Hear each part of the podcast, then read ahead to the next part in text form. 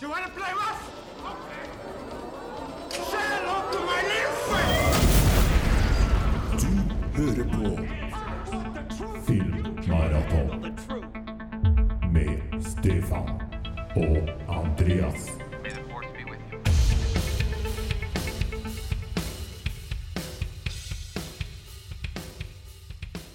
Ja, unge Tollefsen, min gode venn, da er vi tilbake i studio igjen. Ja.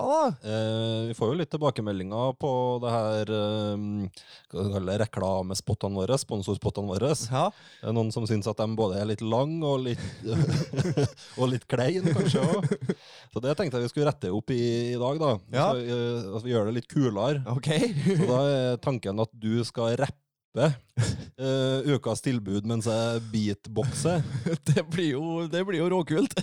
Ja, er, du, er du klar? ja da. Uh, nei, du skal få slikke det. Jeg tror vi bare gjør det veldig enkelt, og så sier vi at folk kan gå inn på hifilife.no og kjøpe uh, julegaver til seg sjøl eller til noen de er glad i der. Ja, det er eh, julegavetid, julegavetid nå, så da kan man jo alltids benytte, benytte Hifi Life. Ja. Nei, men greit.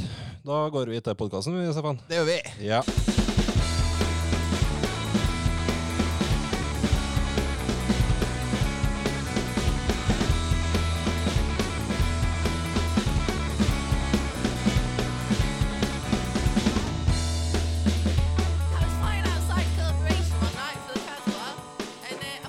Velkommen tilbake til Filmmaraton. Vi har kommet til den åttende episoden. Eh, navnet mitt er Andreas Balstad, og med meg har jeg som vanlig da Stefan Tollefsen. Hei sann. Hei sann. Eh, vi har kalt den episoden her for julefilm Spørsmålstegn. Ja, med et spørsmålstegn bak, ja. Ja, uh, hva ligger i det? Eh, Det ligger vel at de er vel ikke sånn obvious julefilmer, men uh, de kanskje foregår i jula, eller eh, har litt noe, noe, noe med jula å gjøre, i hvert fall. Ja, Så det er ikke Alene hjemme og Love Actually og Flåklypa i dag? Nei, det er det ikke. Det, Eller kanskje litt Flåklypa, kanskje? Ja, det, heller, det, heller den, men ikke alene hjemme eller, eller hjelp til juleferie. Det, dem skal vi ikke snakke om i dag. Nei. Vi kommer for så vidt tilbake til det her. Vi begynner som vanlig med hva vi har sett siden sist. Eh, og da begynner jeg å tatt et um, ja, kom litt tilbake til en film vi har vært inne på tidligere, eh, som kom på Netflix nå for noen uker siden, og det er Martin Scorsese sin The Irishman. Mm. Eh, som eh, ja, gikk en, noen uker da, på utvalgte kinoer, og som hadde release på, på Netflix nå i månedsskiftet november-desember. Um, det her er jo um, ei sann historie om en uh, hitman, da, eller en leiemorder i, i, i USA, eh, som heter for Frank Sheeran, og spilles av Robert De Niro. Eh, han, eh, vi følger jo han på slutten av livet hans, der han på en måte reflekterer over ting som har skjedd i, i, i sin karriere da, som, eh, som hitman, og, og kanskje særlig den rollen han hadde i, i forsvinninga til den her um, fagforeningslederen eh, Jimmy Hoffa, som spilles av Al Pacino. Mm. Når, når er det når han er gammel? Hvilket uh, årstall er det satt i? Eh, Det må jo være helt på slutten når han eh, er gammel og dør. Det må jo begynne å nærme seg 2000-tallet. Ja. Hoved, Hovedhandlinga her foregår jo vel på 60- og 70-tallet, sånn cirka. da. Mm. Uh, og så lever han jo i en del år etter, etter det. Eh, det husker ikke jeg helt nøyaktig når det slutter, men det begynner å nærme seg vår tid. ja. Um, den her boka som det er basert på, kom i 2004. Som heter for I Heard You Paint Houses, som er sånn delvis en biografi av han her. Frank the Irishman Sheeran, da. ja. Um, og så er det jo litt sånn uh, Det er jo ei røverhistorie, det her, men samtidig så er det jo kanskje også et relativt plausibelt svar på hva det var som skjedde rundt Jimmy, Jimmy Hoffa. da. Mm. Der Sheeran da påstår at det er han som har, ha, har en rolle i den her, eh, i denne uh, saken. Mm. Eh, ellers så handler det jo veldig mye om eh, Sheeran sin involvering med denne Buffalino-familien eh, i Pennsylvania, da. eh, der Joe Pesci spiller en av lederne for denne eh, familien. Som blir en slags sånn mentor for den, og som også kanskje er den som i noen grad setter den i, i kontakt med, med Jimmy Hoffa, og, og ja, i det hele tatt får han her inn i inn i tilknytning til både mafiaen og til den her fagforeninga som en Jimmy Hoffa var leder i.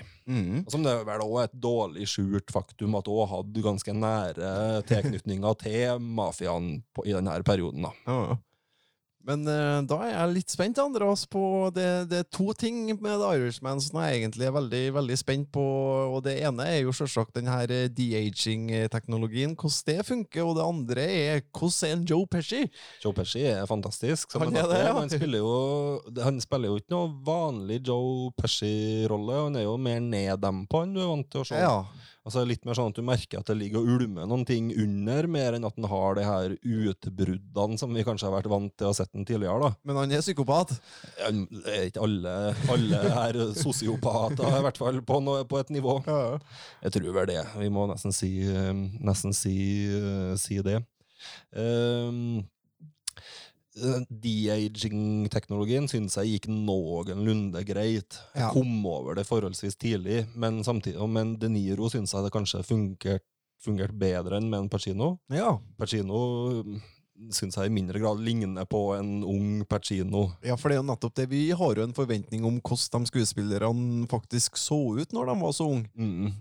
Eh, så, så ja, det er sånn ok.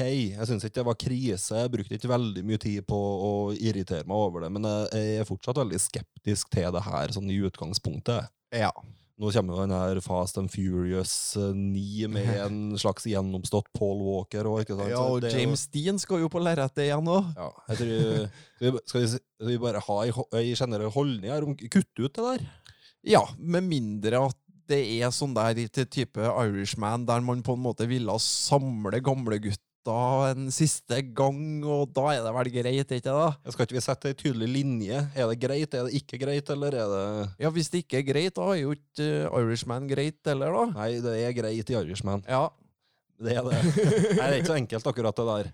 Jeg, jeg men har, Men iallfall ikke, ikke, ikke, ikke Hold dere unna James Dean. Ja, og minimer det her til et minimum også. Det, det, det, ikke, ikke, jeg håper ikke at det her blir en ny sånn farsott. Nei.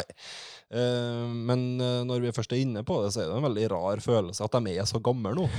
Det kommer til å bli, eh, det kommer til å bli veldig veldig rart når de, den gjengen her er borte. Mm. Eh, Jeg tenker på De Niro, Pacino, Harvey Keitel, Joe Pesci.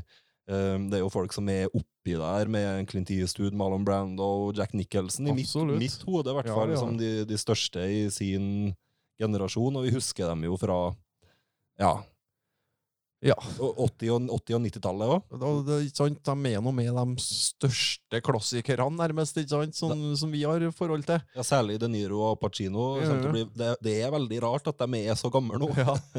Men eh, ja, sånn er det. Tida, tida går jo. Begynner å bli gammel, vi òg, vet du. Ja, ja, det er jo det jeg litt, er litt inne på her, da. Vi skal bli litt melankolsk.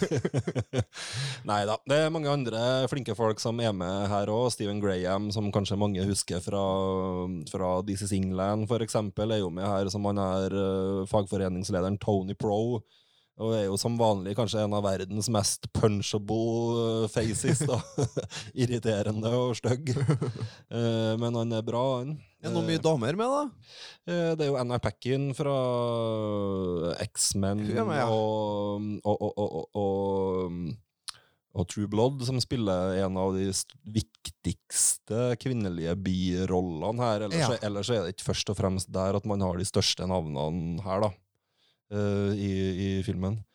Um, ja, og så har vi han eh, Dominic Lombardozzi, han som spilte Herc i The Wire. For dem som husker den serien der, er jo med her som han Fat Tony Salerno, der, der det òg er noe diverse sånn sminke og de-aging, eller Har han blitt gamlere, eller hva er det som, som skjer der? Men han er nå i hvert fall òg med, med her, da. Men når det er gammel Niro, da er det Niro per i dag, da, eller eh, er han Nei, han er jo enda gamlere Da er han enda gamlere i så da.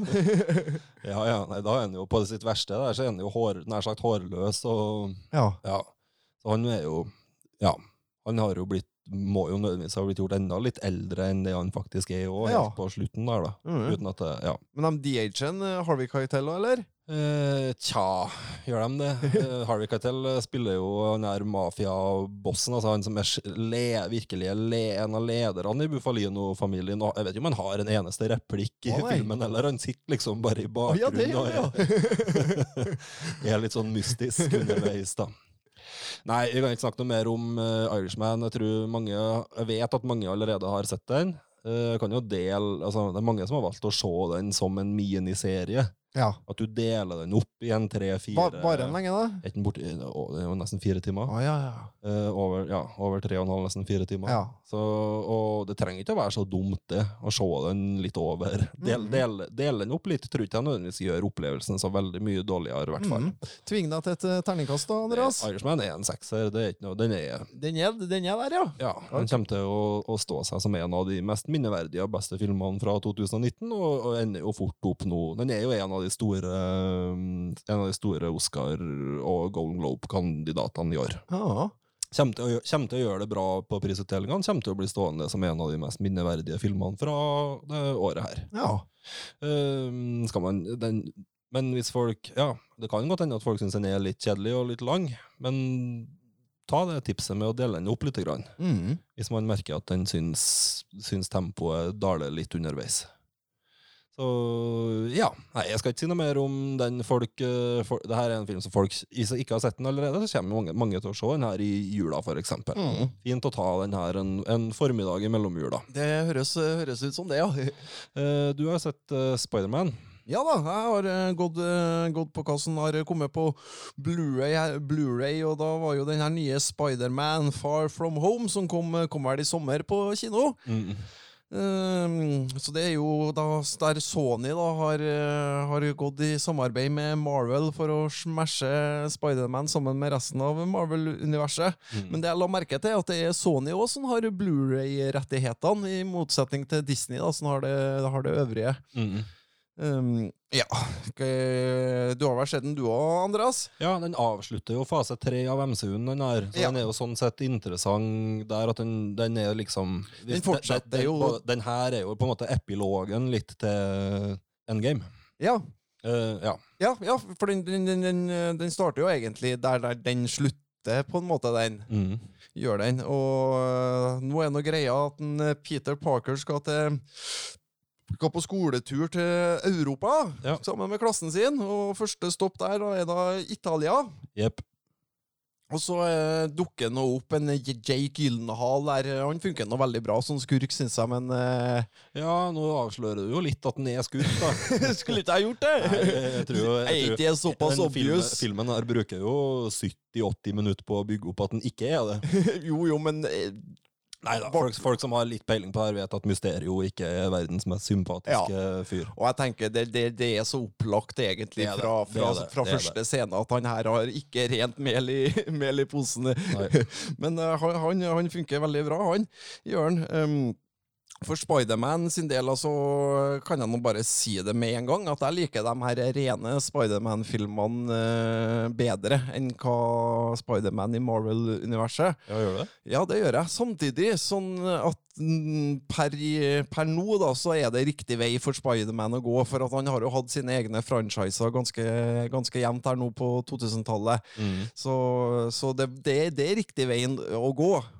Det syns jeg. Men eh, jeg, syns, eh, syns nok for, ja, Bare for å ta den derre Spiderman eh, Into the Spider Universe. Mm. Den er jo en langt bedre film, syns jeg. Enn den her, ja. Ja. men den, den er en, en av de bedre filmene som har kommet de siste to årene. Punktum, på en måte. Det er ikke nødvendigvis den her. Mm. Men den her også står seg jo helt greit som et, eh, et eh, positivt tilskudd til MCU-en, tenker jeg. Ja. Det er ikke, ikke den verste Marvel-filmen, det der. Er det ikke? Ikke den beste heller. Nei. Um, vi har jo Ma- Marissa Tomei som uh, tanta til en Spiderman. Hva syns du, syns du om hun? Jeg liker henne, jeg. Ja. Jeg syns hun fungerer ganske bra, selv om hun selvfølgelig er en ganske mye yngre Aunt Ma enn det man har vært vant til å se i Spiderman-universet. En ganske ny take på den karakteren. da. Mm. Jeg syns hun, hun fungerer. Eh, Den her, rom, her lille romanseplottet mellom hun og en Happy, da, det er jeg litt mer usikker på om hvor bra det er, men, men ja, greit nok. Det ligger der.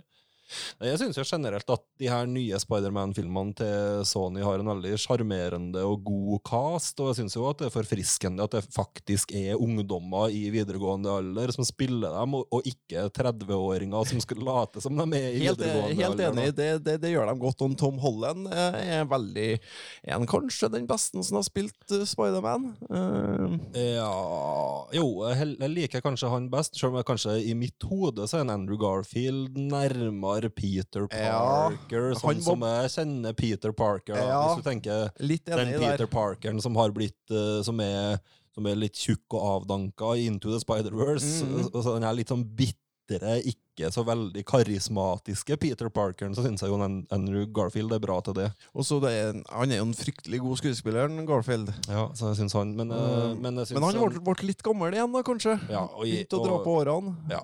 I, I helheten så syns jeg at en Tom Holland nå kanskje er den beste. Ja. Ja. Jeg, jeg, liker dem, jeg liker dem her. Jeg syns de er litt forfriskende og noe litt annet, en litt annerledes take på Spiderman Ja. enn det man ofte har hatt. da. Mm, så Og, det, og, og mer humor og mer sjarm enn en del av de tidligere Spiderman-filmene har hatt. Ja, øh, jeg, jeg syns jo de to første Sam Raimi-filmene er er de beste re- re- Spiderman-filmene for min del. Eh, og det går nok, går nok litt på den her stemninga og Stemninga og sjarmen som er i dem, da. Uh, så er jeg nok litt enig i at de her mm, Andre Garfield-Spidermanene var nok litt humørløse, var de ikke det? Jo, ble litt verken fugl eller fisk, da. Mm. Mm. Så, så, i, så i forhold, forhold til den, den eh, rebooten igjen, så, så syns jeg Marvel, Marvel Spiderman var, var på en måte en riktig, riktig utvikling. Mm. Så, men for min del har ikke noe å si om det blir brudd mellom eh, Marvel og, Marvel og Sony igjen. Det blir vel her- ikke det nå, da. Ja, det kommer vel en tredje en. Ja. Men, vi- men etter det så kan, de, kan, kan Spiderman gå tilbake til å For det, han har nå et rikt univers i seg sjøl, Spiderman, som godt kunne ha blitt utforska enda mer i, på film, tenker jeg. da. Han er jo den mest populære Marvel-karakteren i utgangspunktet, kanskje sammen med i hvert fall av de eldste. Så har jo Wolverine blitt veldig populær de siste 20 årene, i hvert fall. Mm. Uh, og ingen av dem har jo vært egentlig vært Eller ja, de har jo vært litt på utsida av MCU-en, så får vi jo se hva Marvel gjør nå som de vel har litt mer rettigheter til X-Men òg. Ja. så vi får se. Mm. De, ja, for X-Men X-Men trenger et løft nå. Ja, de trenger et løft. De bør vel bare starte på nytt dem, hvis det skal bli noe mer X-Men, tror du ikke det? Jo, vi får se. Vi får se hva de velger å, å, å gjøre gjør med det der. Men det har vært litt godt, det er litt godt nå at det er litt rolig fra MCU-en før fase fire begynner på en måte ordentlig. Ja. Det har vært helt greit, det, etter, etter endgame, og ja. Ok at det har vært litt rolig. ja. Så får vi heller bygge opp litt, bygge opp litt forventninger til hva som skal skje i fase fire. Mm. Nei, men da skal jeg komme med et lite terningkast da, på den her eh, Spiderman Far, Far, From Home. Skal jeg tippe hva det er? Ja, du kan få lov til å tippe. Det høres veldig ut som en Stefan Tollefsen-firer. Det er jo eh, helt riktig tippa, det, Andreas. Så en, en sterk firer, da. Det får han. Ja. Den er jo der et sted. Jeg tror kan, ja, Et sted mellom fire og fem en plass oppi Ja, ja, tenker, tenker det òg. Den beste Spiderman-filmen som er lagd, det, det er en Spider-Verse. ja, enig. Det er den beste Hvis man skal se bare én, så ser man den. Mm. Ja, nei, skal vi gå videre? Ja. Where are you, you little creep? I'm up here, you morons! Come on, get me! You jerk!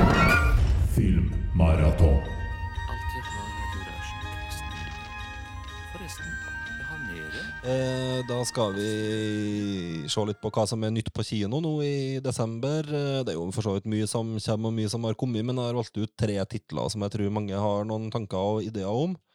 Eh, og da er det selvfølgelig allerede nå på onsdag den 18. så kommer jo det som kanskje fortsatt kan bli den største filmen i, i år. Det blir fort det òg, ja, kanskje. Ja, uh, og det er da Star Wars episode 9, The Rise of Skywalker. Ja. Uh, her er JJ Abrams tilbake på regi og manus, i likhet med det han hadde på da Force Awakens for en fem år siden, vel? ja, de feiga vel ut Disney og gikk tilbake til en JJ. Ja. De ga jo en Ryan Johnson litt sånn semifrie tøyler nå på episode åtte, der han vel hadde litt den samme rollen med både manus og regi, og så er det en JJ Abrams som er tilbake igjen Ja. nå. For det var vel han Colin Travel et eller annet Travel for var var inne en periode her. Ja, for han eh, Jurassic World-regissøren, men Ja. han fikk vel rett og slett sparken. Ja. JJ Abrams det er jo kanskje det tryggeste man kan gjøre med en sånn type nerdefranchise, er det ikke? Ja, det er ikke noe store Han har noen Star Trek-filmene bak seg og episode sju, da, så Ja, og er litt sånn mange mener den nye Steven Spielberg, nesten på en måte. Ja. Det vet jo, men helt Det er han jo er jo ikke. Han er jo ikke det, men han har, en, har fortsatt en vanvittig status innenfor denne delen av, av Hollywood. mm. Så relativt uh, trygge hender, men kanskje også litt uspektakulære kan vi- kan vi si det? Ja. Ryan Johnson var et sprekere og mer spennende valg. ja, absolutt. Um, det her er jo den siste delen av den sentrale Star Wars-historia, og traileren lover jo 'The saga will end'. Ja. Uh, får vi en konklusjon her? Ja, nå har ikke jeg har ikke jeg sett eh, traileren ennå, jeg. Jeg har, eh, har unngått den. det. Du har unngått den? Ja, uh, men eh, Ja, det, det er vel en end for Skywalker-sagaen, men det er nå ikke en end for Star Wars som sådan. Det tviler jeg sterkt på. Nei, Jeg tror jo det mange lurer på, er liksom hva er Ray da, sin betydning i det her universet? Den her hovedprotagonisten i den nye trilogien. Ja. Og vi har jo lagt merke til helt fra starten av at hun ikke har noe etternavn. Ja. Eh, så det har jo liksom vært det store spørsmålet her hele tida. Hvem er foreldrene hennes? I Force Awakens så har hun jo en passiar med en Kylo Ren. Der det på en måte kommer, det blir jo sagt der at foreldrene hennes var nobodies, på en måte, men det trenger jo ikke nødvendigvis å være sant, det. Mhm. Det er ikke stort på en Kylo Ren på noe som helst, egentlig. Eh, den mest populære teorien er jo at det er en Luke Skywalker, selvfølgelig, siden de åpenbart deler mange likheter og lightsaber og hele den der greia der. Ja. Eh, en annen teori er at hun er en av etterfølgerne til Obi-Wan Kenobi. Mm. Um, nå, I en av trailerne så er det jo et klipp av Ray i et Sith-kostyme. ja, så kanskje hun egentlig dattera til en Palpatine. Kanskje det? At det er slektskap, slektskap derifra. Det er usikkert om det er en drømmesekvens eller ikke, da. Ja, ikke sant? Det kan være noe lureri sånn, ja. Ja. Eh, Så det her er jo et av de sentrale eh, spørsmålene. Vi tror vel ikke at, eh, vi vel ikke at de onde vinner en gang en her eller. Nei, det gjør de helt sikkert ikke. Men, men akkurat det her kan jo være litt spenning rundt hva som er Hva som liksom er konklusjonen på den her, kall det familiesagaen, da. ja da. Um, Så nei da, jeg er jo litt spent, spent på den. Uh, Se litt uh, hvordan det går med en Kylo Ren og en Snape. Han ble vel drept i forrige, han, men det, det er noe, noe, ligger nå vel noe kanskje en Palpatine begynner å Begynner å vise seg fram. Det er jo rart om han ikke, ikke dukker opp, tenker jeg. Eh, nei, vi skal absolutt se det her og glede oss til det. Samtidig har det blitt litt sånn ambivalent til Star Wars etter hvert år, for det har blitt en veldig sånn her, det overbeskyttende og litt sånn toks, halvtoxic kultur rundt det. Det er med sånn trakassering av skuespillere Mm. folk ikke liker, og det er liksom gærlig at det er kvinnelig protagonist, og det er Mm. gærlig at det er med asiater, og, og den der greia der, så jeg syns jo at Star Wars kanskje eller ikke Star Wars i seg sjøl, men den der fandom-kulturen rundt Star Wars, når den viser seg fra sin verste side, så er jo det jo litt sånn usympatisk, da. Ja, og også, også litt, eh, litt Disney og produsentene nå, som jeg føler er litt feig, da. Ja. Som ikke tør å ta, ta noe spenstige valg. eh, Nettopp litt på eh, den- Ryan Johnson-filmen fikk vel ganske mye pepper, den, fra, fra horder og fans. Eh, men den er bra, da. Ja, jeg også synes jo den For den, den gjorde noe, noe litt annerledes i forhold til episode sju. Sånn, eh, den jo er jo bra, men den har du jo sett tusen ganger før. Ja, Det var litt som når vi satt og snakka om Terminator her for noen podkaster siden, så er det liksom bare Det er jo egentlig en remake av Ja, Ja, ikke sant? det bare er Ja. det vi har sett før, på, på nytt. Mm. Så vi får se. Jeg synes, som du sier, jeg synes det Ryan Johnson gjorde, var spennende, og kanskje hadde en to-tre scener der som er noe av det kuleste de har gjort i denne er filmserien. enig.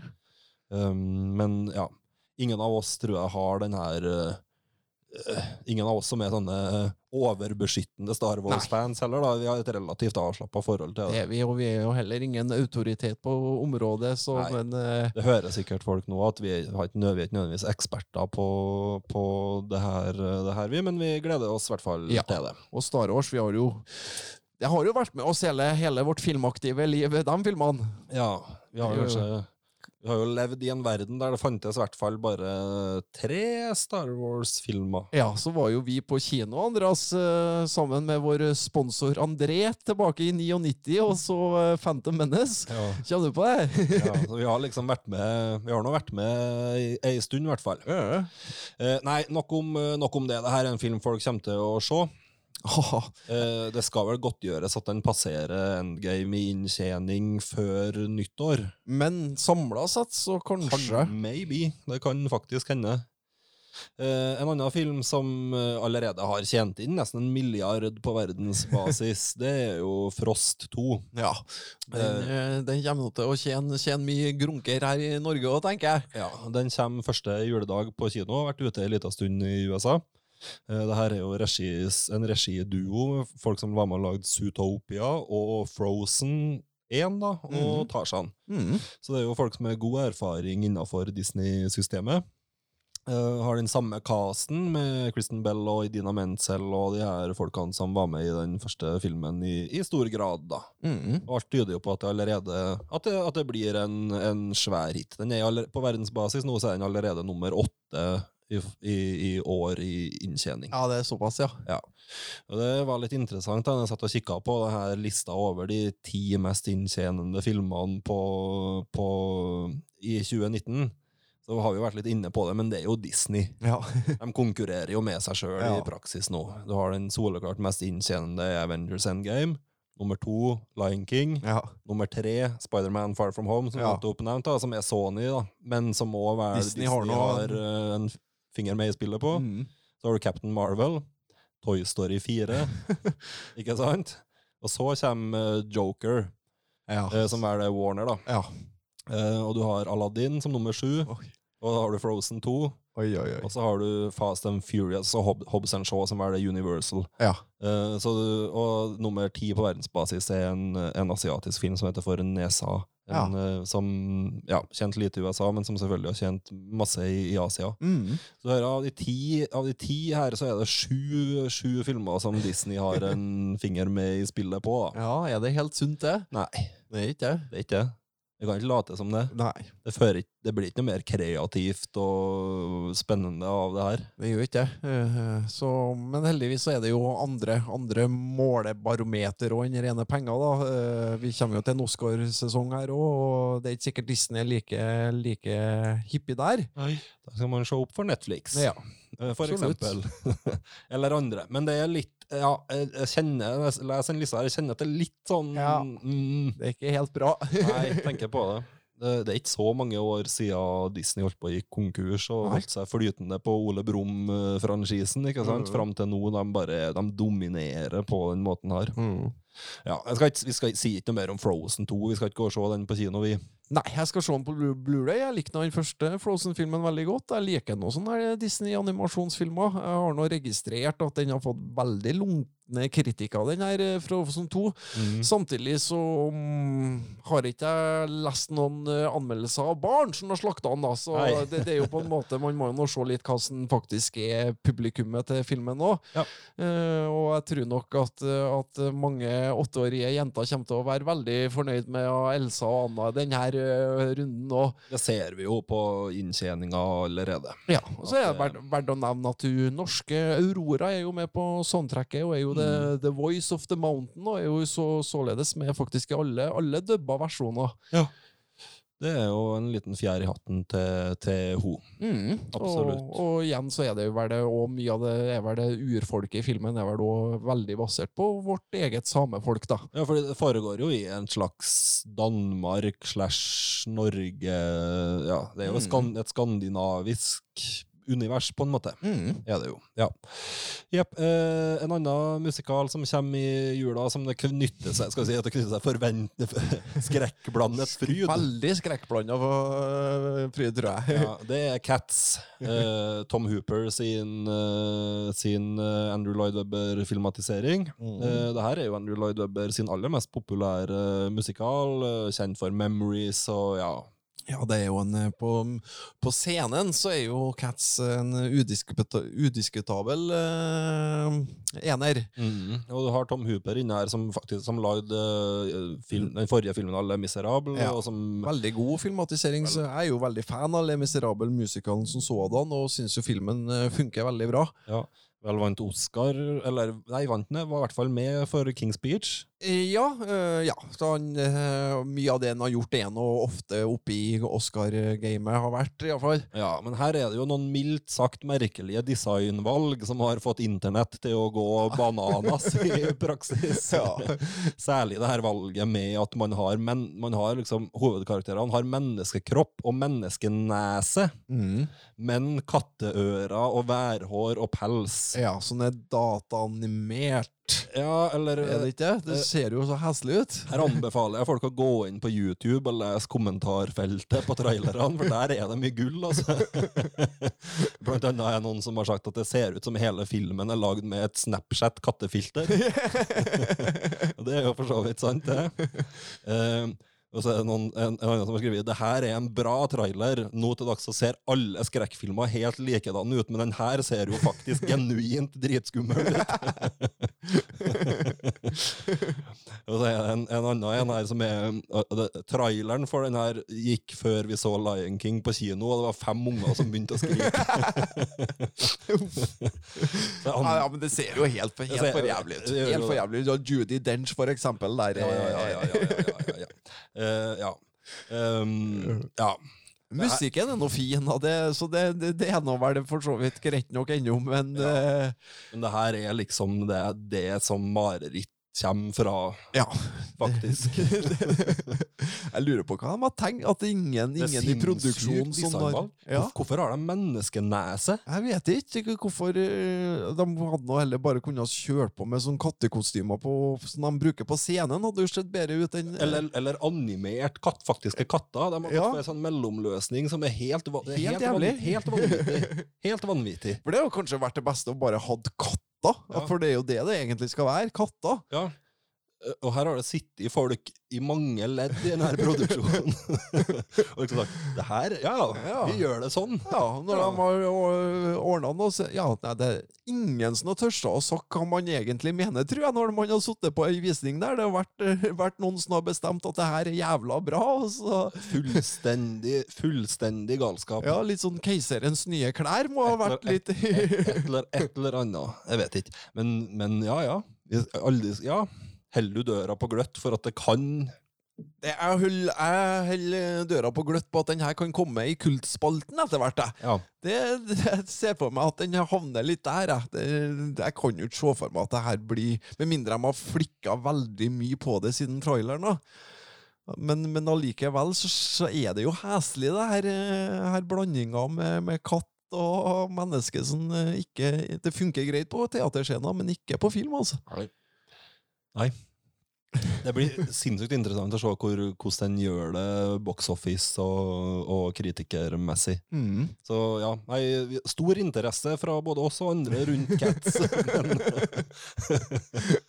men vi er vel ambivalent, vi òg. Ja.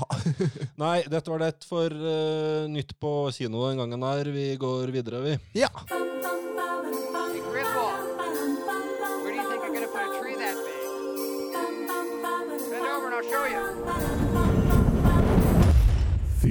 Filmmaraton.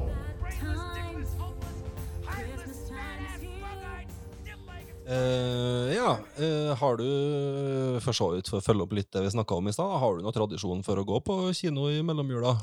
Eh, ja, har vel hatt det når de her eh, eh, I forhold til Star Wars-filmene til jul, så pleier jeg nå å få med meg dem. Og så tidligere år så har det jo vært Ringenes herre som har kommet til jul, som man alltid så måtte ha fått med seg. Og, og likenså så har det vel vært en del James Bond-filmer på 90-tallet som hadde premiere i juletida, som det alltid var, var og så. Ja. For det er jo litt av poenget at jula er jo på en måte og det nærmeste vi kommer filmens i høytid, og kanskje også filmmaratonet i høytid. da. ja, det kan vi si. Både i forhold til at man Altså, de aller, aller, aller største Du, du snakka jo litt om Disney i stad. Du ser av alt det de gjør i 2019, så legger de kanskje dem to Ja. de har størst forventning til. Altså, la meg legge én i mai med Endgame, og så Ja. legger de de to andre i desember. Ikke sant? Og det er liksom virkelige, virkelige gullkortene til Disney ligger der, da, Mm. med Frozen 2 og, og Star Wars 9. Mm. Um, så klart Det kommer til å gå mye Det er mange som har tid til å gå på kino i jula, og det er mange som liker å krype litt opp i sofaen med et pledd og bare se på film. Ja, for det er jo mange, mange lange, rolige dager, og likenså en tid der man kan kanskje finne på noe med familien, og da er jo kino, kino et godt uh, alternativ, eller en, en videomaraton på sofaen er jo et godt uh, alternativ i jula. Ja, og det er mange som liker å se Ringenes herre. Ja, de kommer jo til jul, og det, det, er, jo, det er jo mange som, som jeg tror sitter igjen, sitter igjen med den feelingen med å se Ringenes herre til juletider på kino, og så er de jo, de er jo fryktelig lange, så du må jo faktisk ha, ha noen lange kvelder på deg for å kunne komme deg gjennom dem. Det er nesten tolv timer, tror jeg. Det er elleve og en halv time, tror jeg vi skal se de Ja. extended-versjonene. Det er jo et halvt døgn. Og det passer seg fint i jula, altså. Harry Potter Ja.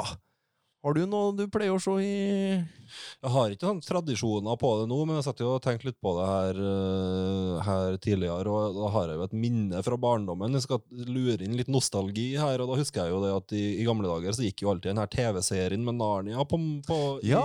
i, i jula, så jeg forbinder jo den veldig med, med jul Ja, på et nivå. Det er, det er jeg enig med deg i, og jeg har jo kjøpt den der gamle Narnia-serien på DVD. Det er BBC, det. Ja, det er BBC, men den her Ja, den, den er, jeg kommer jo på iallfall de her første episodene som veldig, veldig sånn, litt sånn skummel òg. Heksa, heksa dit, ja. Den serien varer vel i mange sesonger, dekker vel fort en tre, fire, fem av bøkene, Ja, tenker jeg. en, ja det, det gjør de nok. Det er jo selvfølgelig der og Løven, heksa og klesskapet som er det mest Mm. ikoniske Ja. som mange har minner fra. Så jeg, jeg vurderer å se det nå. Det har jeg tenkt de siste julene, faktisk, om jeg skal se den serien. For at skal jeg først se den igjen, så må det jo bli jula. For det er jo som du sier, det er jula man har minner til det. Mm. Så kanskje, kanskje i år blir jula man drar fram gamle Narnia-serien. Og så var det jo litt sånn eh, på tidlig 2000-tall, kanskje, at de her, når vi hadde de her filmkanalene, Ja. um, TV 1000 og, og Kanal, og- Kanal Pluss og, Ja. og sånt, så hadde jo dem òg en sånn tradisjon med at eksempel nyttårsaften så kjørte de gjerne ut sånn en virkelig storfilm, da. Ja, ja. Det mener at for eksempel The Matrix for eksempel, Ja, ja, den kom da, hadde, ja. hadde premiere på, nyttårs, Ja, på nyttårsaften på, på sånn type Ja. Så det var jo litt sånn, ja. Og ellers så pleier jo alle, alle TV-kanalene ellers så fra NRK, TV 2, TV Norge, TV3 De viser stort sett eh, filmer da, og kvalitetsminiserier i jula. Så at man har på en måte mm, muligheten til å bare slappe av og kose seg med, med film, sjøl selv om du ikke har eh, video eller eh, Netflix tilgjengelig òg. Mm-mm. Eh, vi skal jo komme med en episode til før jul, så jeg tror vi venter litt med å snakke om de her kalle juleklassikerne. Vi kan komme tilbake til dem. Ja. Eller kalle det nesten julefilmklisjeene.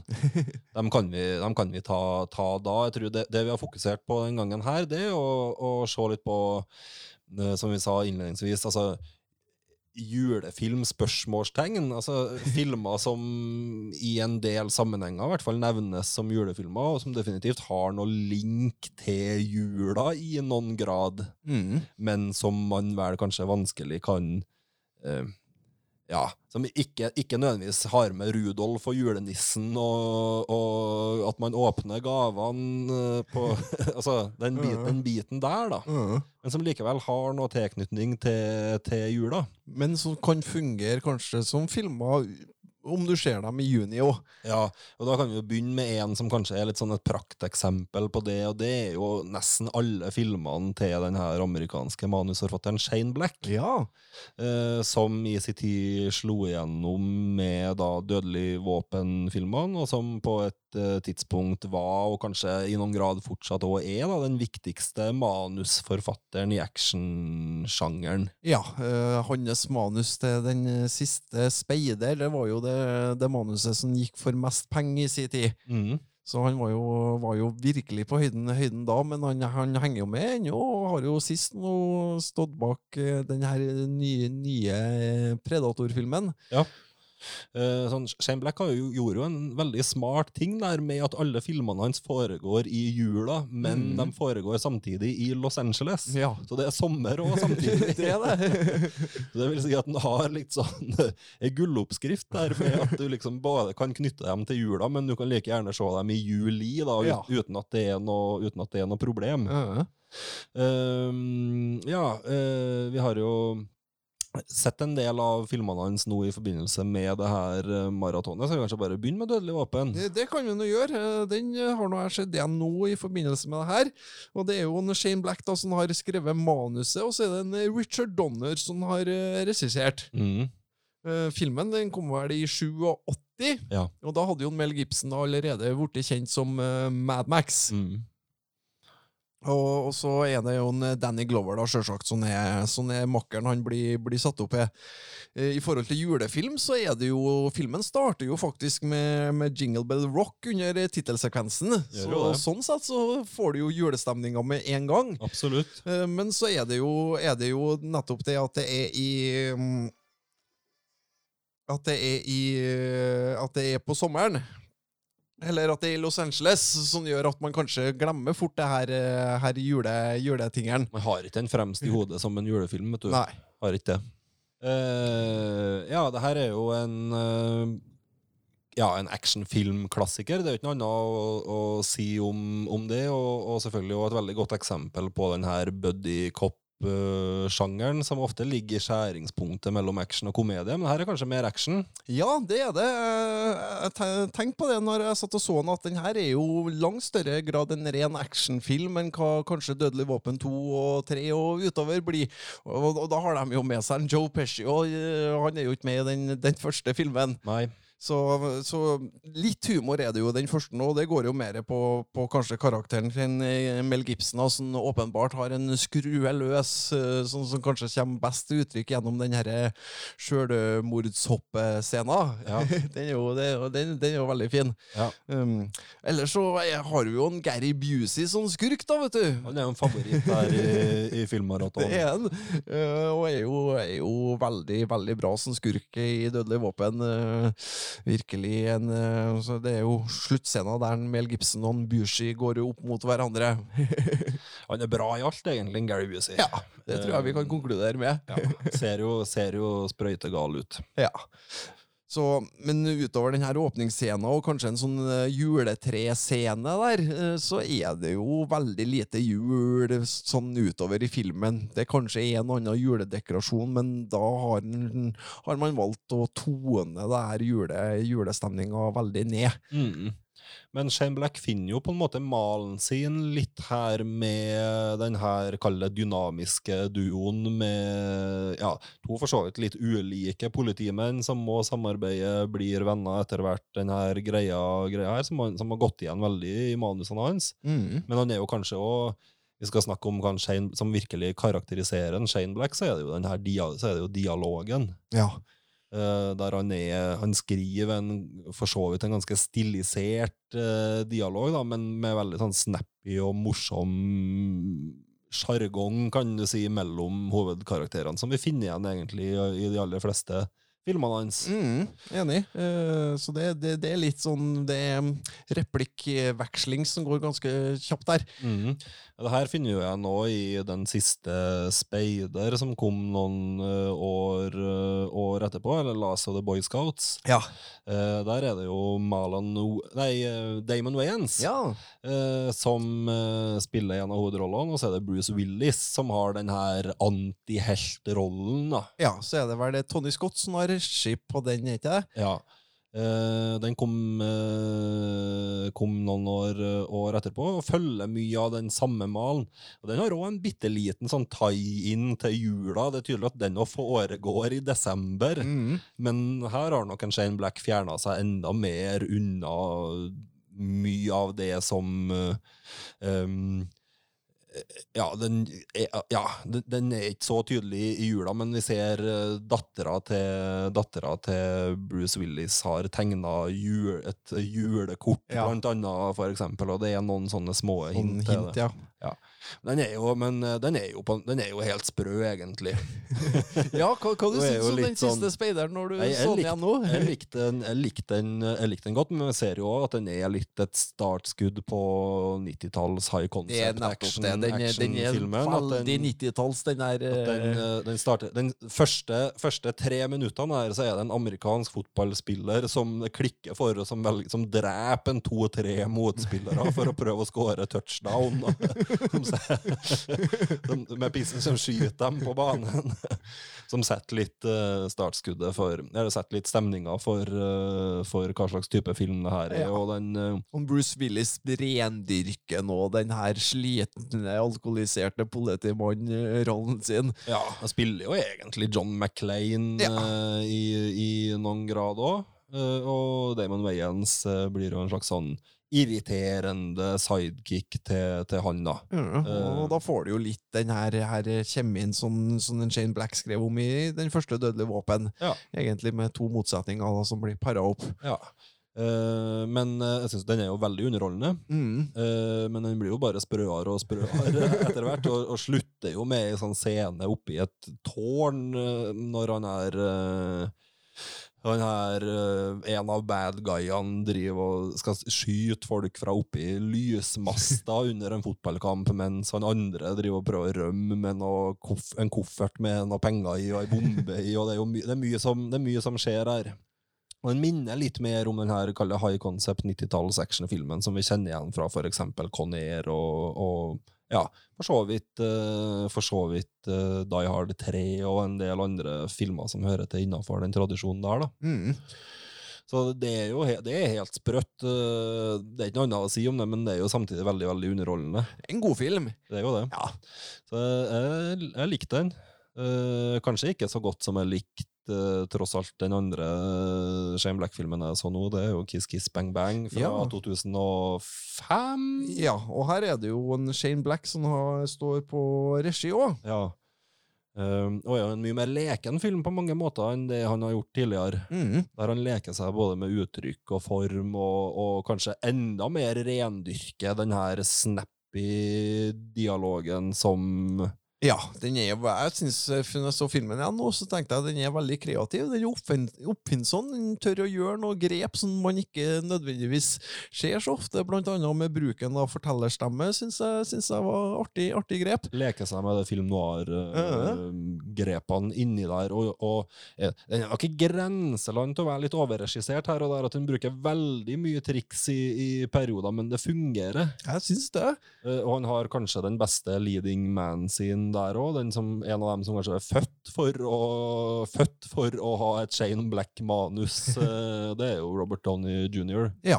Her var jo før han ble Iron Man, og Mm. så han var vel litt i sånn dupp, han òg, i forhold til karrieren sin. eh, Litt på vei opp igjen, kanskje. Ja, men, men for det lang meg merke Altså I 2005 så var ikke Robert Downey jr. og Fal Kilmer som var de sterkeste navnene, sånn sett. Nei.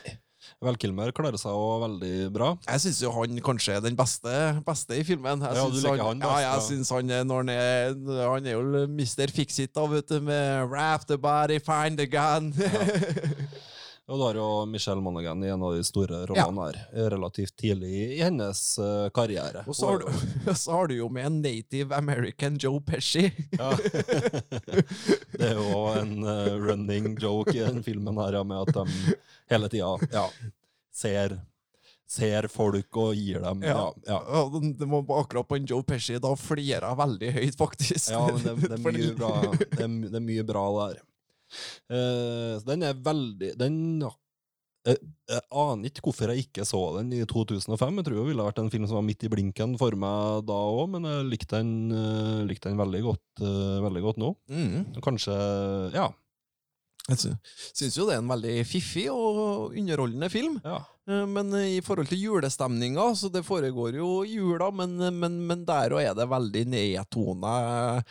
Eh, Kom nok ikke julestemning av en. Nei, de, men det foregår helt åpenbart i jula. Michelle Monaghan sin karakter går jo i sånn julenissedrakt i det Ja. her, og det er jo veldig tydelig at den, at den er satt til jula på samme, men at, eh, som vi sa innledningsvis, fortsatt foregår på sommeren, da, så at du får liksom aldri det helt den der, likevel den der julestemninga mm. av det. Eh, hva annet har eh, Shane Black laget som vi kan anbefale folk å se? Ja, han, eh, det var jo den der Predator-filmen. Den vet ikke jeg helt om jeg skal anbefale. Nei. Men han er jo skuespiller i den første Predator-filmen. Ja. Der er han jo han, han nerdens ned på laget til en, eh, til en Schwarzenegger. Mm -hmm. uh, og den anbefaler vi nå i hvert fall. Ja. uh, og Last Kiss Goodnight uh, hører jo til i den her samlinga av eh, Ja, det er han som har manus på den, ja. ja, Ja. den hører jo til, hører Det er Renny Halin, blir ikke det? Jo, som har regi på den. Men den, eh, den er jo en eh, i samme landskap Ja, her, da. Foregår nå Det- iallfall på vinteren, som jeg kan komme på. Ja, usikker på om den òg er satt i jula, men eh, vi skal vi tippe at den er det. Ja, Eh, Mest sannsynlig. Ja, og Så hadde den vel ikke manus på Dødelig våpen 4, vel? Eller Mm, nei, det er jeg litt usikker på. Jeg tror ikke han kanskje hadde manus på verken treeren eller fireren. er Usikker. Nei, er usikker er på treeren. Men han, eh, han har en veldig gjenkjennbar stil og er veldig god på det her med smart, eh, smart dialog, og var som sagt eh, Ja, anbefaler kanskje at folk tar et lite maraton på han i løpet av mellomjula. da. Ja, det går an. Se seg opp på, se seg opp på Shane, Shane Black sine filmer. Mm. Noe mer du vil legge til om dem? Eh, Nei, ikke for uh, utover å, at man kan se et par av dem. Vi anbefaler absolutt, eh, absolutt det.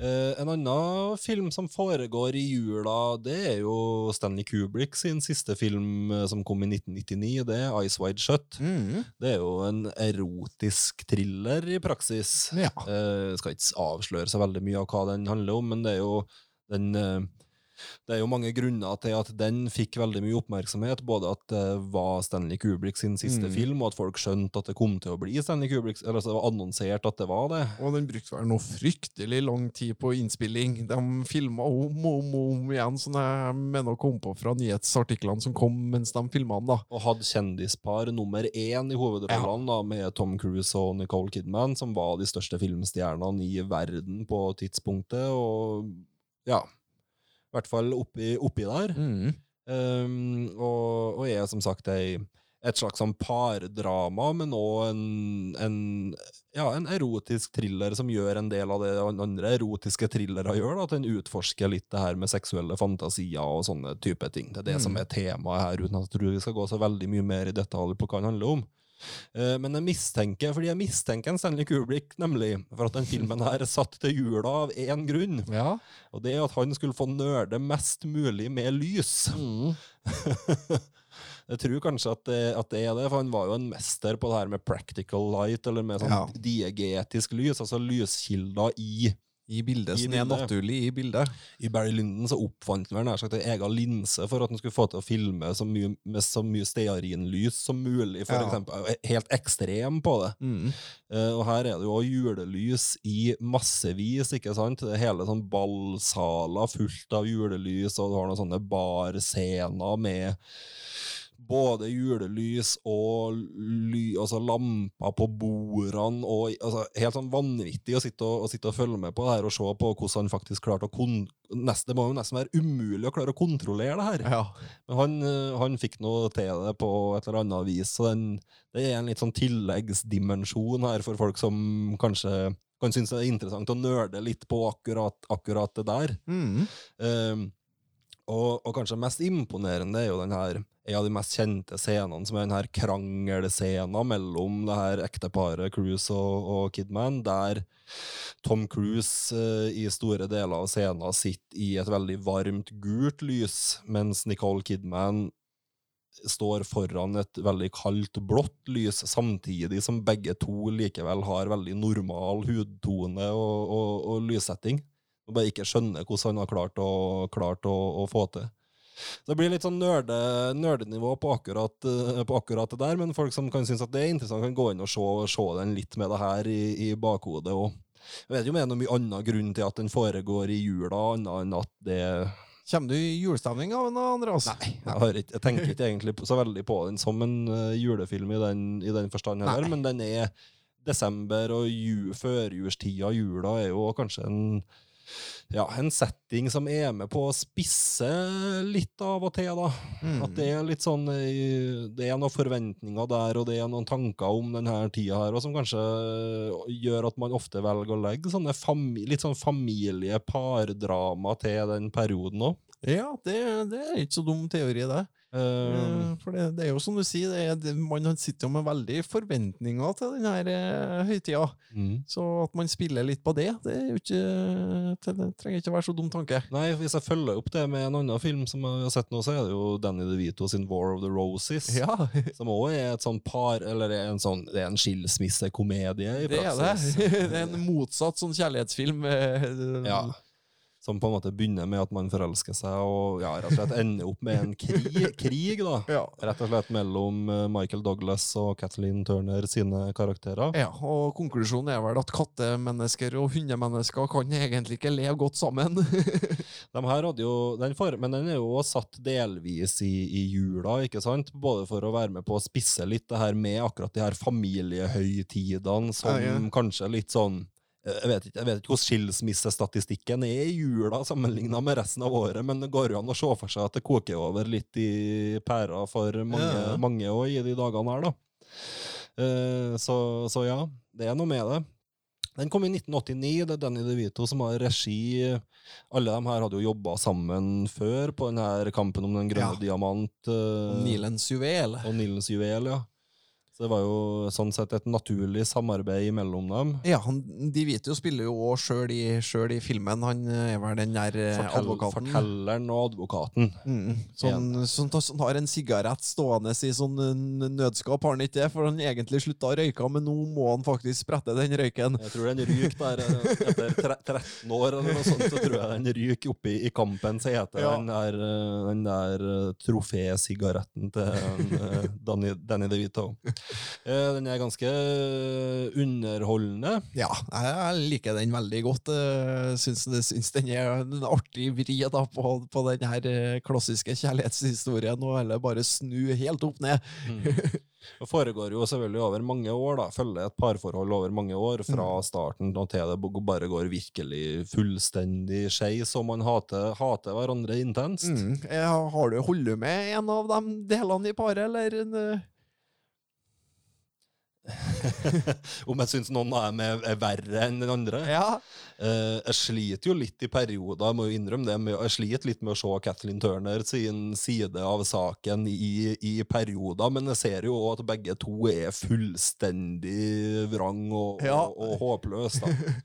Men jeg synes jo når hun begynner på en måte Når hun begynner å lage den her leverposteien Det er- og later ja. som, som at hun har drept hund Det er akkurat den scenen som gjorde at jeg tippa over til at jeg holdt med en Douglas tross alt. Da, for at det, det var over, over kanten Det fra er, det er over kanten.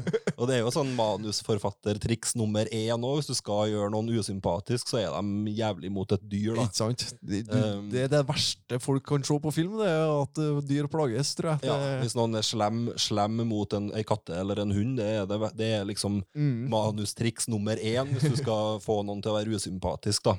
Så tenk på den her vakta i Det grønne mil som dreper den her ja, kjælemusa. ja, ikke sant? Hvor, hvor, hvor hater vi ikke den vakta bare på grunn av den scenen, liksom? Ja, så hvis du, skal, hvis du faktisk skal få publikum til å føle hat, eller altså oppleve en, en karakter som veldig usympatisk, så får du dem til å være stygg mot et, uh, et dyr, da. Ja. Altså, så, så ja, nei, men det er jo litt interessant at begge vi reagerte på, på akkurat det. Bikkja, det er liksom over uh, Den, var- da, da, da gikk du for langt, rett og slett. ja, da, da gikk jeg rett og slett slett for, for, for langt. Selv om begge to selvfølgelig er Ja, nå rævhøl. Ja, de er jo det. Det er ingen av dem som er veldig, veldig spesielt sympatisk. Men den var, den var faktisk litt over grensa. Men den kan folk uh, se. Hvor tilgjengelig den er. Det er nå en Fox-film, så det, det, den skal jo ikke være noe sånn veldig gjemt bort. Uh... Nei, Kanskje man kan finne den på norsk på iTunes, for eksempel. ja, Eller i, Finner den i hvert fall eh, på DVD og Blu-ray. helt sikkert på DVD og Blu-ray, selv om det ikke kanskje Få låne den av meg hvis dere ikke finner den noen annen plass. Ja, greit det. Um, så det er jo litt sånne, ja Parforhold, krangel, skilsmissefilmer som er lagt til jula, faktisk. um, og, og en annen film, ikke nødvendigvis helt i samme gata, men som heller ikke går så bra for alle de involverte, det er jo John Landis sin Trading Places, Ja. eller Rollebytte. Uh. Ehm, det er jo i stor grad en, uh, en film som er bygd opp også rundt et sånn et par med komikere som får fram det beste i hverandre i scenen her. Mm -hmm. nemlig Eddie Murphy og Dan Aykroyd. Ja, det er en god, god, god, god duo der, ja. Eh, hva handler den om? Nei, du har jo et par, eh, par eldre rikinger da, som tar et eh, veddemål. De er jo egentlig fryktelig ufine, begge to. De er jo de er, de er rasistiske. Ja, de det er er jo det. si det Så, så de mener jo det at, at enen iallfall mener at, at en mann som Eddie Murphy, da, som både er farga og bor på gata, og sånn, han, kan, han har på en måte ikke arvemateriale da, til å kunne gjøre det godt i business. Eh, mens den andre er vel litt uenig i at hvis en bare får sjansen da, så, å bli født inn i har de rette forutsetningene, så kan han fungere like så godt. Mm. Og da vil de jo finne ut av det her, og det er ikke bare en dollar og sånn de vedder, de er jo så jævla grådige, vet du. Så med den dollaren dollar da og fucke opp livet til en Dan Ackroyd, da, som er på en måte en sånn up and coming eh, businessman i konsernet deres. Ja. Og på en måte ordner det sånn at han blir uteliggeren, og han, eh, Eddie Murphy kommer inn i rollen, og så skal man se da hvordan, man, hvordan de håndterer den situasjonen. Ja. Så, så der ligger det jo en sånn klassisk rise and fall-historie inni der, og det er jo ofte underholdende å se på. Mm. Uh, folk som ja, litt fisk, ut av, fisk ut, ute av vannet, uh, men òg den her rise and fall. Noen ja, Og det er for, jo- får livet sitt snudd opp ned. Det er jo ofte underholdende å se på. Og som du sier, de er jo, de er jo, de er jo skikkelig rævøl og, og, og rasister så hold, så det er jo sånn han ene sier når de prøver å finne ut kandidaten da, om at man må ha noen som er noe ordentlig gærent med, og så finner de en Eddie Murphy, og så Well, of course, there's something wrong with him. He's a negro. Så det, det er på en måte holdninga deres. Ja, det, ja eh, eh, men de er selvfølgelig på ingen måte forsøkt fremstilt sympatisk i den filmen. her. De, er, de, er virke, er virkelig, de er virkelig skurkene hele, hele veien, dem, altså. Det er jo en Don Ameche som spiller han ene der, i hvert fall. Eh, Ja. En klassisk skuespiller. Ja, og de får selvfølgelig som fortjent på, på slutten Ja. når Dan Ackroyd og Eddie Murphy slår seg sammen for å ta hevn på dem, da, når de avslører Ja, det her plottet. For de får jo litt hjelp av Jamie Lee Curtis oppi det her. Ja, hun eh, inni, inni, miksen her, da. Og det er jo noen vanvittige sekvenser her under, underveis, og på et tog, blant annet. Noen, gor noen gorilla på et tog. Og det er mye, som, eh, det er mye som, eh, som foregår her, men, eh, men først og fremst så er det jo tenker jeg jo at det er Eddie Murphy og Dan Aykroyd sine skue... Ja. Altså, de gjør veldig mye ut av hver scene. ja. De, ja, ja. Altså, at de to funker så godt i sine to roller, det, det, det gjør filmen også. Ja. Jeg tenker at uh, nå uh, Eddie Murphy har gjort enda bedre roller enn det her, men uh, i Dan Aykroyd sin katalog så vil jeg si at den her rangerer ganske høyt blant de rollene han gjorde, der han faktisk får lov til å være litt mer enn bare straight man, og faktisk får en del scener når han har gått utfor stupet her og er alkoholisert og, og, og ødelagt, da, der han får spille på litt mer enn det han ofte har fått. da. Ja, for det er jo det det, det, det viser seg, at eh, på en måte hvis du ikke har forutsetningene rundt deg på sida, så ender du opp som, som det du blir på en måte dømt til. Så Dan Aykroyd han blir jo ikke noe likere enn Eddie Murphy han, når han ikke har noe annet rundt seg. han. Nei, filmen tar et klart valg der. Mil Ja. Miljø er viktigere enn arv. Ja. Så det er jo Ja, den gjør jo, gjør jo det. Eh, den foregår òg i, i jula, og, og som jeg sier, Dan Aykroyd eh, gjør en av sine beste roller. Jeg synes En av de beste scenene jeg har sett den er jo når han er forfylla julenisse. eh, som bryter seg inn på det her julebordet i, i, i selskapet. Ja, det er fin, Og er, er dritings og, og fæl, rett og slett. da. Som er meget, meget bra, meget bra Dan Aykroyd. Mhm. Som vi selvfølgelig husker fra Ghostbusters blant annet, og masse andre ting. Ja, ja, ja. Eh, han, har jo, han har jo mye, han. Mm. Eh, så gjerne se, se den nå, rollebytte eller Trading Places. Eh, om John Landis så kan vi vel bare si for et 80-tall han egentlig hadde. Ja, ja absolutt, altså. Men hvor er han nå? Nei, han er jo Når jeg var i Hollywood, så var jeg utafor huset hans, da. Så Ja. det er mulig at han var hjemme. Det kan hende. så, men Men, han rota jo seg bort. Han, eh, det var jo, han regisserte nå Beverly Hills Purk 3 i 94, og siden da har det vel egentlig gått nedover. Ja, Men vi anbefaler folk eh, å ta en eh, kikk på IMDb og lese les lista over Ja, ja, titler på, på 80-tallet. En er amerikansk varulv i London, Blues Brothers Ja. Det er ganske stor. et fantastisk streak der i, et, i ti, års, eh, ti års tid. Mm. Det er helt borte nå. Ja. Where are you, you little creep? I'm up here, you morons! Come and get me! You jerk! Filmmaraton. Alltid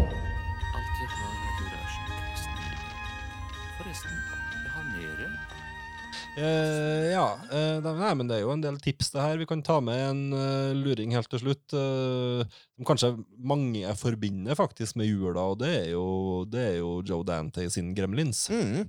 fra 1984. Eh, det er jo et stjernelag bak kamera her med Chris Columbus på manus og Steven Spielberg som produsent. Ja. En, det her er jo en film som kanskje mange forbinder med jula. Ja, den er litt som både og, Ja. eh, opplever jeg. Jeg sjøl har ikke den sånn, sånn spesiell julefilm. Jeg har pleid å se den sånn egentlig når som helst på året. Mm. Eh, Men når jeg så den sist, så så jeg den eh, jeg så den vel før jul i fjor, faktisk. Eh, For det, er jo en julefilm òg, så jeg tenker det er jo en film som man kan se hele året, men gjerne, gjerne rundt jul også. Og Gremlins, både eneren og toeren, syns jeg jo er skikkelig godfilmer. da. Det er jo, det er jo så koselige praktiske effekter, og det er, det er godt, godt håndverk, og ikke minst veldig 80-talls, da. Mm. Det vet folk eh, som hører på denne podkasten, at vi er glad i praktiske effekter, og vi er Mm. glad i 80-tallet. Eh, og den, har, den krysser av veldig mange av boksene for å være en uh, filmmaratonfavoritt, rett og slett. Mm. Uh, underholdende, sjarmerende, bra cast. Uh, ja. Så har han jo, den er kanskje en av de eh, kjipeste historiene om julaften som noen gang har blitt fortalt på film, tror jeg. Og det er jo den historien av Phoebe Cates forteller om, om sin far. Som, som da skulle være julenisse på julaften og, og bare sitte fast i pipa til dem og begynne å kjenne at det lukter, lukter fælt da fra, fra liket. Det er mørkt. Så det, det, det, den er ganske Til å være en sånn type film, så er jeg litt sånn Jeg blir alltid litt sånn at den er så mørk, den storyen der, da. Ja, man, man traff ikke helt lista. Det skulle kanskje egentlig være så mørkt at det ble morsomt, på en måte, Ja. men så er det, kan man diskutere om det bare er deprimerende. Ja, det, det, det er jo bare trist. Det, det er jo noe av det fæleste man kan har hørt om i jula, sånn sett. Ja. Eh, Chris Columbus eh, ja, altså, Vi går ut ifra at folk vet hva det her er for noen ting. Gremlins, ja. Ja. Ja. Ja, Vi bruker ikke noe mye tid på å forklare det. Men Chris Columbus, eh, som skrev manuset, han har òg en finger med i spillet i Harry Potter-filmene, som òg alltid har med i ja og, og ikke minst Alene hjemme. Som òg har jule... Så han, han er jo glad i jula, han. Mm. Jeg satt og tenkte litt på det i, i går, Steven Spielberg. Eh, det er jo en fyr som man kanskje skulle ha trodd lagd mer juleting enn han Ja, har gjort. det er et godt poeng, men det har han jo ikke gjort, egentlig. Nei, så- Veldig lite jul med han. Kanskje ET har litt sånn julevibe. Det er nok en film som mange kan se. Det er en typisk familiefilm som kan ses i jula, og kanskje bli vist på TV Norge i jula òg. Ja. Men den har jo ingenting med jul å gjøre, den, utover at det er en trivelig familiefilm. da. Det ble lagd en, en julereklame for noen år siden som var en slags sånn Ja. et nikk til i, som der IT var med, da. Ja. Men, men ja, den er vel heller ikke egentlig en julefilm. Nei, det, det er vel in- ingenting med jul i den. Nei. Så det er nok Chris Columbus som må ta æren for at det er så mye jul i, i Gremlins, da. Ja. De er glad i, glad i den høytida, høytida der. Toeren den er vel utenom jul, tenker jeg. Da er det jo mer at man er på det her eh, Den her store kjøpesenteret, den skyskraperen. Mm. Den er kul, den òg. Ja, ja, absolutt. Men de, eh, ja, de, holder seg, seg veldig godt og har som du sier, veldig gode praktiske effekter. Selv om vi ser, av, vi ser jo godt av og til at det er dokka, her, men, eh, Men heller det enn at vi ser at det er CGI. ja, jeg tror vi konkluderer med det. Vi ble ikke helt enige i starten om de-aging eh, eh, lov i det hele tatt eller ikke, men vi er vel veldig tydelige på at vi liker praktiske effekter bedre enn animerte effekter. Mm. Ja, nei, men her er jo noen tips til filmer folk kan se i, i jula. Kjøre et Shane Black-maraton, da, eller uh, lete opp noen av filmene til en Chris Columbus, eller uh, ja. Det er mye, mye, mye, mye bra å ta av. ja. Sjekk ut hva John Landis holdt på med på 80-tallet. Ja, Det anbefaler vi i hvert fall. Ja, Det, der er det mye gull, altså. det er mye gull. Men først og fremst eh, vil vi at folk skal kose seg med film i jula og mellom jula. Det er det viktigste. Bruk fridagene nå til å slappe av, se film, få gode filmopplevelser, enten for deg sjøl eller sammen med andre. Se Star Wars, se Cats hvis du må. eller hvis du Ja. Kan la være Cats, kanskje, men eh, Vi skal, og du skal på Cats vi, Ja, faen, kanskje vi skal det? an, andre juledag. det, det, hadde Nei, vært, nei, ikke andre juledag. Det hadde vært kult om vi hadde prioritert Cats framfor Star Wars. Ja, ja, det er sant.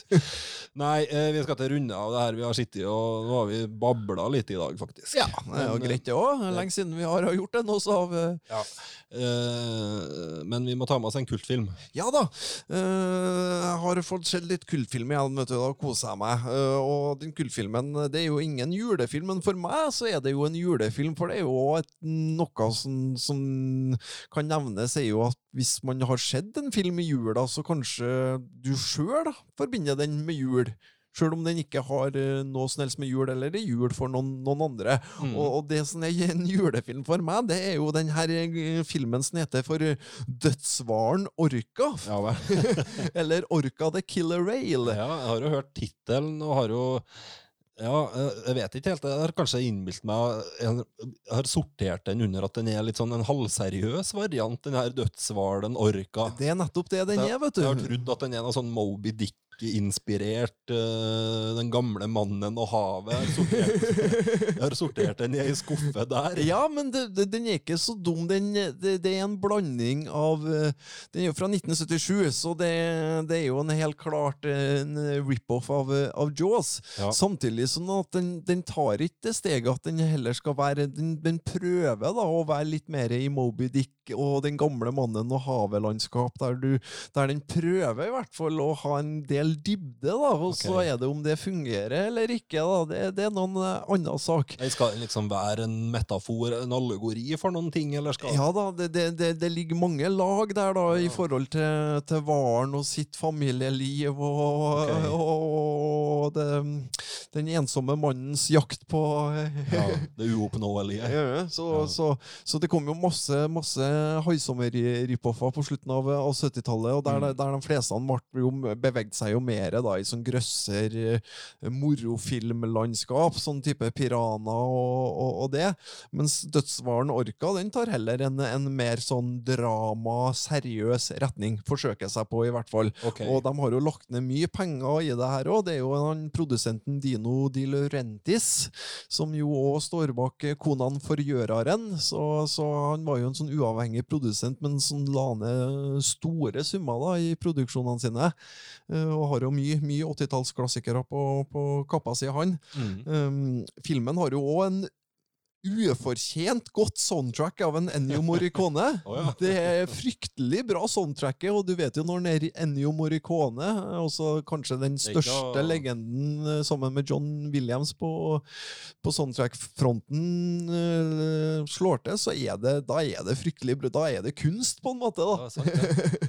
uh, og så har du jo Richard Harris, som vi jo kjenner som en uh, professor Humlesnurr fra de første Det var de to første Harry Potter-filmene han rakk å bli med i. Ja. Og så døde han eh, og ble erstatta av en Michael Gambon. Mm. Eh, Så han, han er jo spiller da hovedrollen, da, sånn røff, røff hvaljeger.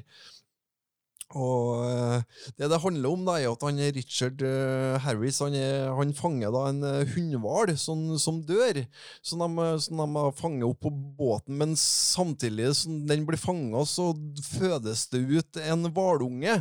Og alt det her mens faren, dødshvalen å sitter og ser på. da. Oi, oi, oi. Ja, og, og, og da er det Og han, han hyler jo av smerte, han her hvalen, mens han ser kona og barnet da bare bli, bli tatt fra han oppå båten der. Og det er jo veldig mye sånn nærbilde av Hvaløyet og Richard Harris, så at du skjønner på en måte at hvalen skjønner hvem det er som står bak det Kryss- her faenskapet her. Kryssklippa. Og, inni det her så har den òg noen sånn veldig flotte naturscener. Lagt, sånn igjen, lagt mye penger i det, og på den blu, tyske Blu-ray-versjonen jeg har, da, så ser det jo òg fantastisk, fantastisk eh, flott, eh, flott ut. Eh, og så kommer det da en hvalforsker oppi det her, og som kommer og forteller en, eh, Richard Harris at hvalen eh, Nå er han ute etter den på ja. grunn av det han har gjort. Ja, ja. Og så kommer det en indianer òg i samme scene, og, og gir, gir, gir legitimitet til den der påstanden. Okay. For at han er jo indianer og har jo kontakt med spirits, og sånn, så han, han, han bare kommer inn, kommer inn i scenen og bare bekrefter den påstanden at det stemmer. klassisk Hollywood, magical native American. Ja. Så, så, så, så han kommer nå bare inn og, bekrefte det der. Mm. Og det som videre da skjer, at en Harris oppholder seg i en liten fiskelandsby der dødshvalen Orka da begynner å terrorisere den her, fiskelandsbyen. Han angriper jo flåtehus og alt mulig rart og går helt berserk der uten at de klarer å, å ta hånd om den. Og, og Bo Derek òg er jo med i, oppi denne suppa her. Ja. Ja, Så hun får jo bitt av foten av dødsvaren dødshvalen Orka. Mm. Eh, alt det her er jo, er jo gjort med veldig gode effekter og sånn, så det er både cheesy, men godt laga. Det er på en måte prøve å være alvorlig, samtidig som det blir veldig sånn ufrivillig komisk. Men det ser bra ut! Så, så det, den er egentlig en, en liten gullfilm, det her. Så. Uh, og det som, det, som, det som skjer da, ikke sant, etter at, eh, at Orca har rasert den her fiskelandsbyen, så bestemmer Richard Harry seg for at nå skal han gå mann mot hval. ja. Nå er det nå er det, det endelige Mexi Mexican stand-off. ja, det er det. Så det kulminerer jo i et oppgjør her da mot en orka, hvor hvor eh, Harris er på et sånn isflak, hvor orka sirkler, sirkler rundt den. Og Det, det eh, er ikke en Charles Bronson som spiller orka. det, det er mulig, det er mulig, ja, mulig han eh, har stemmen. Så det ender jo opp med at, for det er jo en Richard Harris som var rævhøl til å starte med her. Han tok jo fra dødsfaren Orka både eh, kone og barn, og da blir jo moraen det at det er dødsfaren Orka da som får, eh, som får sin hevn over en Richard Harris. Ja, ja. Det er Så- rett, rett og rimelig, det. Ja, En god, en god hevnfilm. eh, Veldig spesiell film også, eh, så absolutt. Så det hørtes litt kul ut. det der, ja, så eh, du skal få låne den tyske Blu-rayen av meg, så du kan kose deg med jula. Hva heter den på tysk, da? Eh, Orka der Killerwahl. Ok. Ja. Orka! Så nei, den, den, det er en spesiell film eh, på, på mange måter, sånn, sånn jeg anbefaler i denne kultspalten. Jeg vil gi den en kultterningkast fem. Ja. Og at det er da kanskje en terningkast tre-film, sånn, eh, sånn hvis man skal være, se på den med vanlige øyne. Ja, det tror jeg. ja. Ja. Men en, en eh, klink eh, kultfemmer. Ja. Ja. ja, men bra. Det er eh, god anbefaling. Mm. Kan, finnes det mange som man kan ha et orka-maraton i jula? Man kan jo eventuelt ha et sånn der haisommer dødsvaren orka pirana maraton da. At man har Ja, at man har litt sånn der uh, dyr dyr, fra, dyr fra vann som angriper. Ja, nei, det går an, det. Eh, ja, nei, men uh, vi ønsker jo folk fortsatt hyggelig adventstid, gjør vi ikke det, Stefan? Det gjør vi, så vi sier ikke god jul ennå, men vi sier fortsatt god advent. Ja, det gjør Ja. vi. Jeg tror vi rekker å komme tilbake en gang til før jul, faktisk. Ja, jeg tror kanskje vi skal klare å få til en episode rett før julaften her nå. Ja. Ok, nei, men da runder vi av der i dag, og så sier vi på gjenhør. Skal vi si det? Ja, det gjør vi. Ha det bra! Ha det bra.